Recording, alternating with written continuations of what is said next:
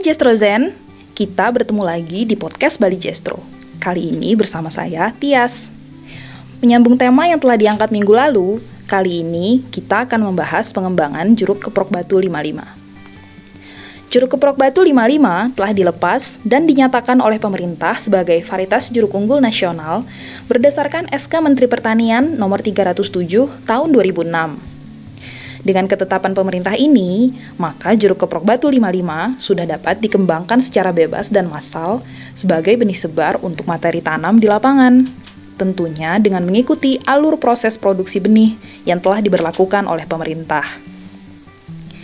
Saat ini, benih sumber jeruk keprok batu 55 dengan kelas benih pokok yang ditanam di blok penggandaan mata tempel atau BPMT telah tersebar di 13 provinsi di Indonesia dengan jumlah total sebanyak lebih dari 2.700 pohon.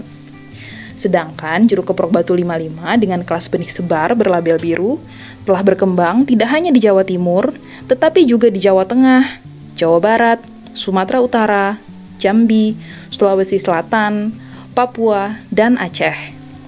Benih sebar yang sudah menjadi inovasi di lapangan pada berbagai wilayah pengembangan tersebut berjumlah lebih dari 414.000 pohon, setara luasan 828 hektar.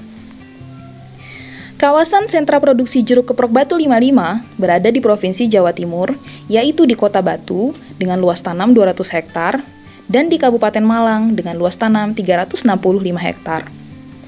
Pada awalnya, perkembangan jeruk di Kabupaten Malang berada di Kecamatan Dau dan Karangploso untuk jeruk varietas Kepro Batu 55. Sedangkan untuk varietas jeruk manis berada di wilayah Kecamatan Dau.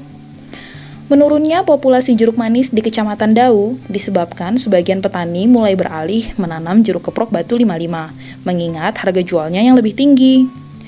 Selain melalui penanaman baru, sebagian jeruk manis Pacitan juga telah diganti dengan jeruk keprok batu 55 melalui teknologi top working. Pengembangan jeruk keprok batu 55 di Kecamatan Dau dapat meningkatkan pendapatan dan kesejahteraan petani setempat. Dengan harga jual antara 10.000 sampai 15.000 per kilogram buah, setiap tahun petani dapat memperoleh keuntungan bersih antara 230 juta sampai 250 juta rupiah dengan luasan lahan 1 hektar dan populasi tanaman antara 600 sampai 800 tanaman. Meningkatnya pendapatan petani jeruk di Kecamatan Dau ini tentunya akan berdampak pada peningkatan kesejahteraan khususnya di Kabupaten Malang dan Jawa Timur pada umumnya.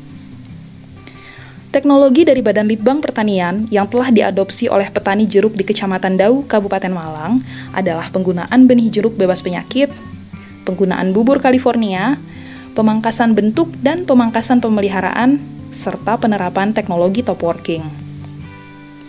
Informasi lebih lanjut mengenai jeruk pengembangan jeruk keprok batu 55 bisa Jestro Zen dapatkan di website Bali Jestro di balijestro.litbang.pertanian.go.id.